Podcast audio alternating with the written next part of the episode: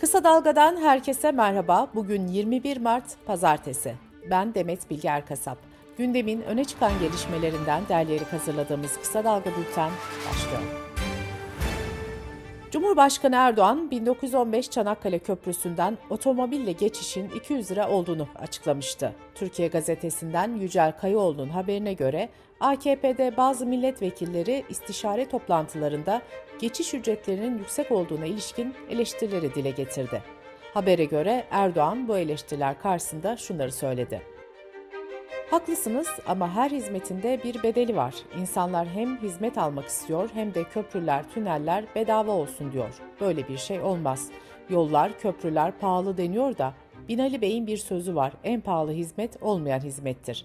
Doğru söylüyor. Biz buraları devletin kesesinden bir kuruş çıkmadan yapıyoruz. Bu arada Karayolları Genel Müdürlüğü 1915 Çanakkale Köprüsü'nün kamuya maliyeti konusunda açıklama yaptı. İddia edildiği gibi ortada bir zararın olmadığını savunan Genel Müdürlüğün açıklamasında şöyle denildi. Proje 2 milyar 545 milyon euro yatırım ile tamamlandı. Görevli şirket tarafından ödenen kamulaştırma bedeli 4 milyar 329 milyon euro. Görevli şirkete devletin taahhüt ettiği garanti bedeli ise 3 milyar 796 milyon eurodur. Bu bedel işletme süresinin erken başlamasına rağmen %12 daha azdır. Yani iddia edilen zarar tamamen hayal ürünü ve iftiradır. Proje ile yıllık toplam 415 milyon euro tasarruf edilecektir. CHP Genel Başkanı Kemal Kılıçdaroğlu Salı günü partisinin grup toplantısında Türkiye'de her gelir grubuna göre uyuşturucu pazarlanıyor. Hapishanelerde bir tane uyuşturucu baronu var mı? Yok. Uyuşturucu baronları neden hapse girmez? Çünkü siyasetçiyi satın alırlar demişti. Bu sözlere hem İçişleri Bakanı Süleyman Soylu'dan hem de Emniyet Genel Müdürlüğü Narkotik Suçlarla Mücadele Daire Başkanlığı'ndan tepki gelmişti. Sözcü gazetesi yazarı Saygı Öztürk'e konuşan Kılıçdaroğlu bu açıklamasını yineleyerek şunları söyledi. Uyuşturucu satıcılarını, baronlarını da yakalayan polis. Polis olağanüstü çaba gösteriyor ama tutuklamayan, serbest bırakan yargı. Hapishanede bir tane uyuşturucu baronu var mı dedim, şimdi de ilave yapıyorum. Baronlar siyasetçiyi satın alıyor. Uyuşturucu kaçakçısı Zindaşti'yi kim bıraktırdı? Polis yakalamış, teslim etmiş. Zindaşti'yi polis bırakmadı, onu bırakan yargı. Onun serbest bırakılması için araya giren siyasetçi kim? Bu da biliniyordu. Polisleri rahat bıraksınlar, uyuşturucu baronu kalmaz. Kılıçdaroğlu dün partisinin İstanbul Gençlik Kolları'yla da bir araya geldi. CHP lideri bu buluşmada da şunları söyledi. Birileri sizin gücünüzden korkuyor. Gücünüzden korktuğu için giderlerse gitsinler diyor. Ama hepiniz şunu söylemek zorundasınız. Hayır gitmeyeceğiz, hep beraber biz seni göndereceğiz. İstinaf Mahkemesi'nin beraat kararlarını bozmasının ardından yeniden görülen Gezi davasında bugün yapılacak duruşmada karar çıkabileceği belirtiliyor. Savcı 4 Mart'ta verdiği mütalasında davanın tek tutuklu sanığı Osman Kavala ile Mücella Yapıcı için ağırlaştırılmış müebbet hapis talebinde bulunurken 6 sanık için 20'şer yıla kadar hapis istemişti. Sanıklar ve avukatları mütalaya karşı son savunmalarını bugün yapacak. Taksim dayanışmasından Gezi davasına destek için de çağrı yapıldı. Açıklamada şöyle denildi. Toplumsal muhalefetin en meşru hak ve talepleri suç unsuru gibi gösterilmek, barışçıl direnişin tarihsel ve meşru gerçekliği çarpıtılmak ve karalanmak isteniyor.'' Emekli amirallerin Montreux Sözleşmesi bildirisine ilişkin davanın ilk duruşması da bugün görülecek. Cumhurbaşkanlığı ve Milli Savunma Bakanlığı davaya müdahale olmak için mahkemeye başvurdu. Cumhurbaşkanlığı sanıkların en üst sınırdan cezalandırılmasını talep etti. Müzik Yorumcuları Meslek Birliği Yönetim Kurulu Başkanı sanatçı Burhan Şeşen, müzik yasağının sürmesini eleştirerek devleti yönetenlerin müzisyenlerle empati kuramadığını söyledi. Şeşen şöyle devam etti.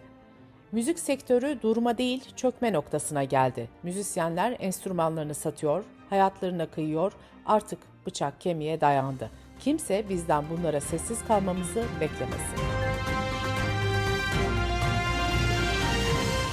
Dış politika ve dünyadan gelişmelerle kısa dalga bültene devam ediyoruz. Rusya'nın Ukrayna'ya yönelik işgal operasyonu 25. günü geride bıraktı. Ukrayna'nın Mariupol kentinde sığınak olarak kullanılan bir sanat okulunun bombalandığı bildirildi. Sığınakta çocuk, kadın, yaşlılardan oluşan 400 kişinin bulunduğu açıklandı. Benzer bir saldırı bin kadar kişinin sığındığı başka bir tiyatro binasına da yapılmıştı.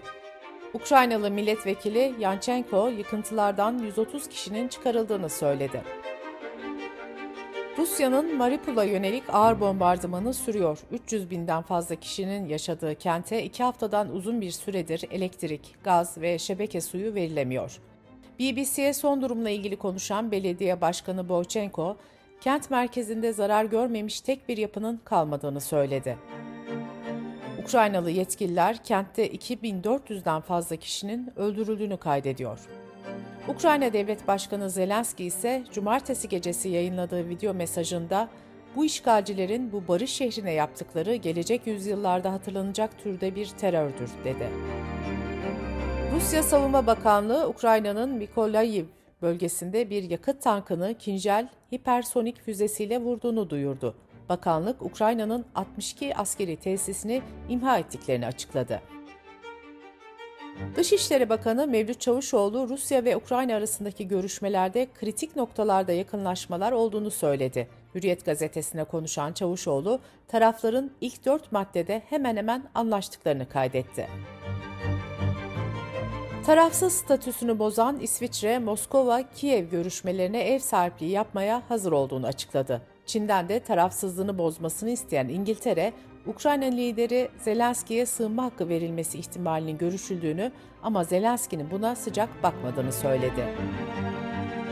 Avrupa Birliği yetkililerinin yaptırımlar sonucunda Rus oligarklarına ait el konulan varlıkları Ukrayna için kullanmayı değerlendirdiği belirtildi. Bloomberg'un haberine göre henüz bu konuda alınmış bir karar yok. Rusya'nın Ukrayna'ya yönelik işgal harekatı sonrasında Avrupa Birliği aralarında oligarkların da olduğu birçok Rus zengininin varlıklarına yaptırım kararı açıklamıştı. Birçok ülke süper yatlar, jetler ve gayrimenkuller gibi varlıklara el koydu. Sadece İtalya'da dondurulan varlıkların tutarının 780 milyon euroya ulaştığı belirtiliyor. Amerika Birleşik Devletleri Bulgaristan hükümeti ile NATO Doğu kanadının güçlendirilmesi konusunda anlaşma sağladı. Bulgaristan Başbakanı Petkov bu anlaşmanın müttefiklere gönderilen güçlü bir mesaj olduğunu dile getirdi. Bulgaristan'ın Ukrayna'ya silah göndermeyeceğini yenileyen Bulgaristan Başbakanı hiçbir şekilde Ukrayna için bir askeri destek konusunu ele almadık dedi.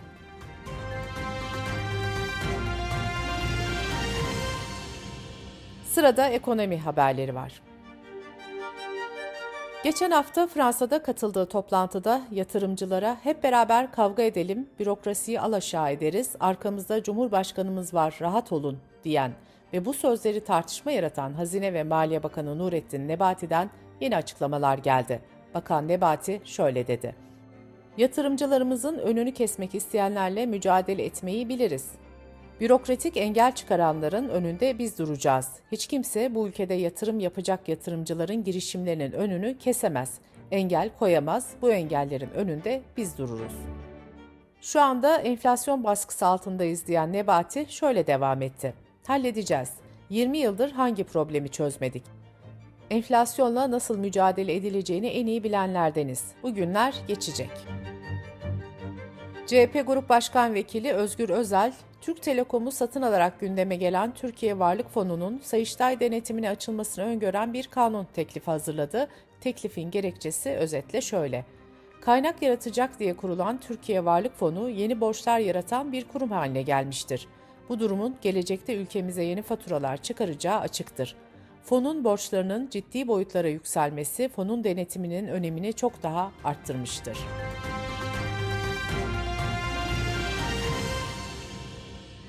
Bültenimizi kısa dalgadan bir öneriyle bitiriyoruz. Eşit Haklar İçin İzleme Derneği ve Kısa Dalga İşbirliği'nde hazırlanan Yasaksız Meydan'da Zeynep Duygu Ağbayır'ın konuğu Mor Dayanışma Sözcüsü Cemile Baklacı, 20 yıldır devam eden feminist gece yürüyüşündeki polis şiddetini ve hak ihlallerini anlattı. Kısa Dalga.net adresimizden ve podcast platformlarından dinleyebilirsiniz. Gözünüz kulağınız bizde olsun. Kısa Dalga Medya.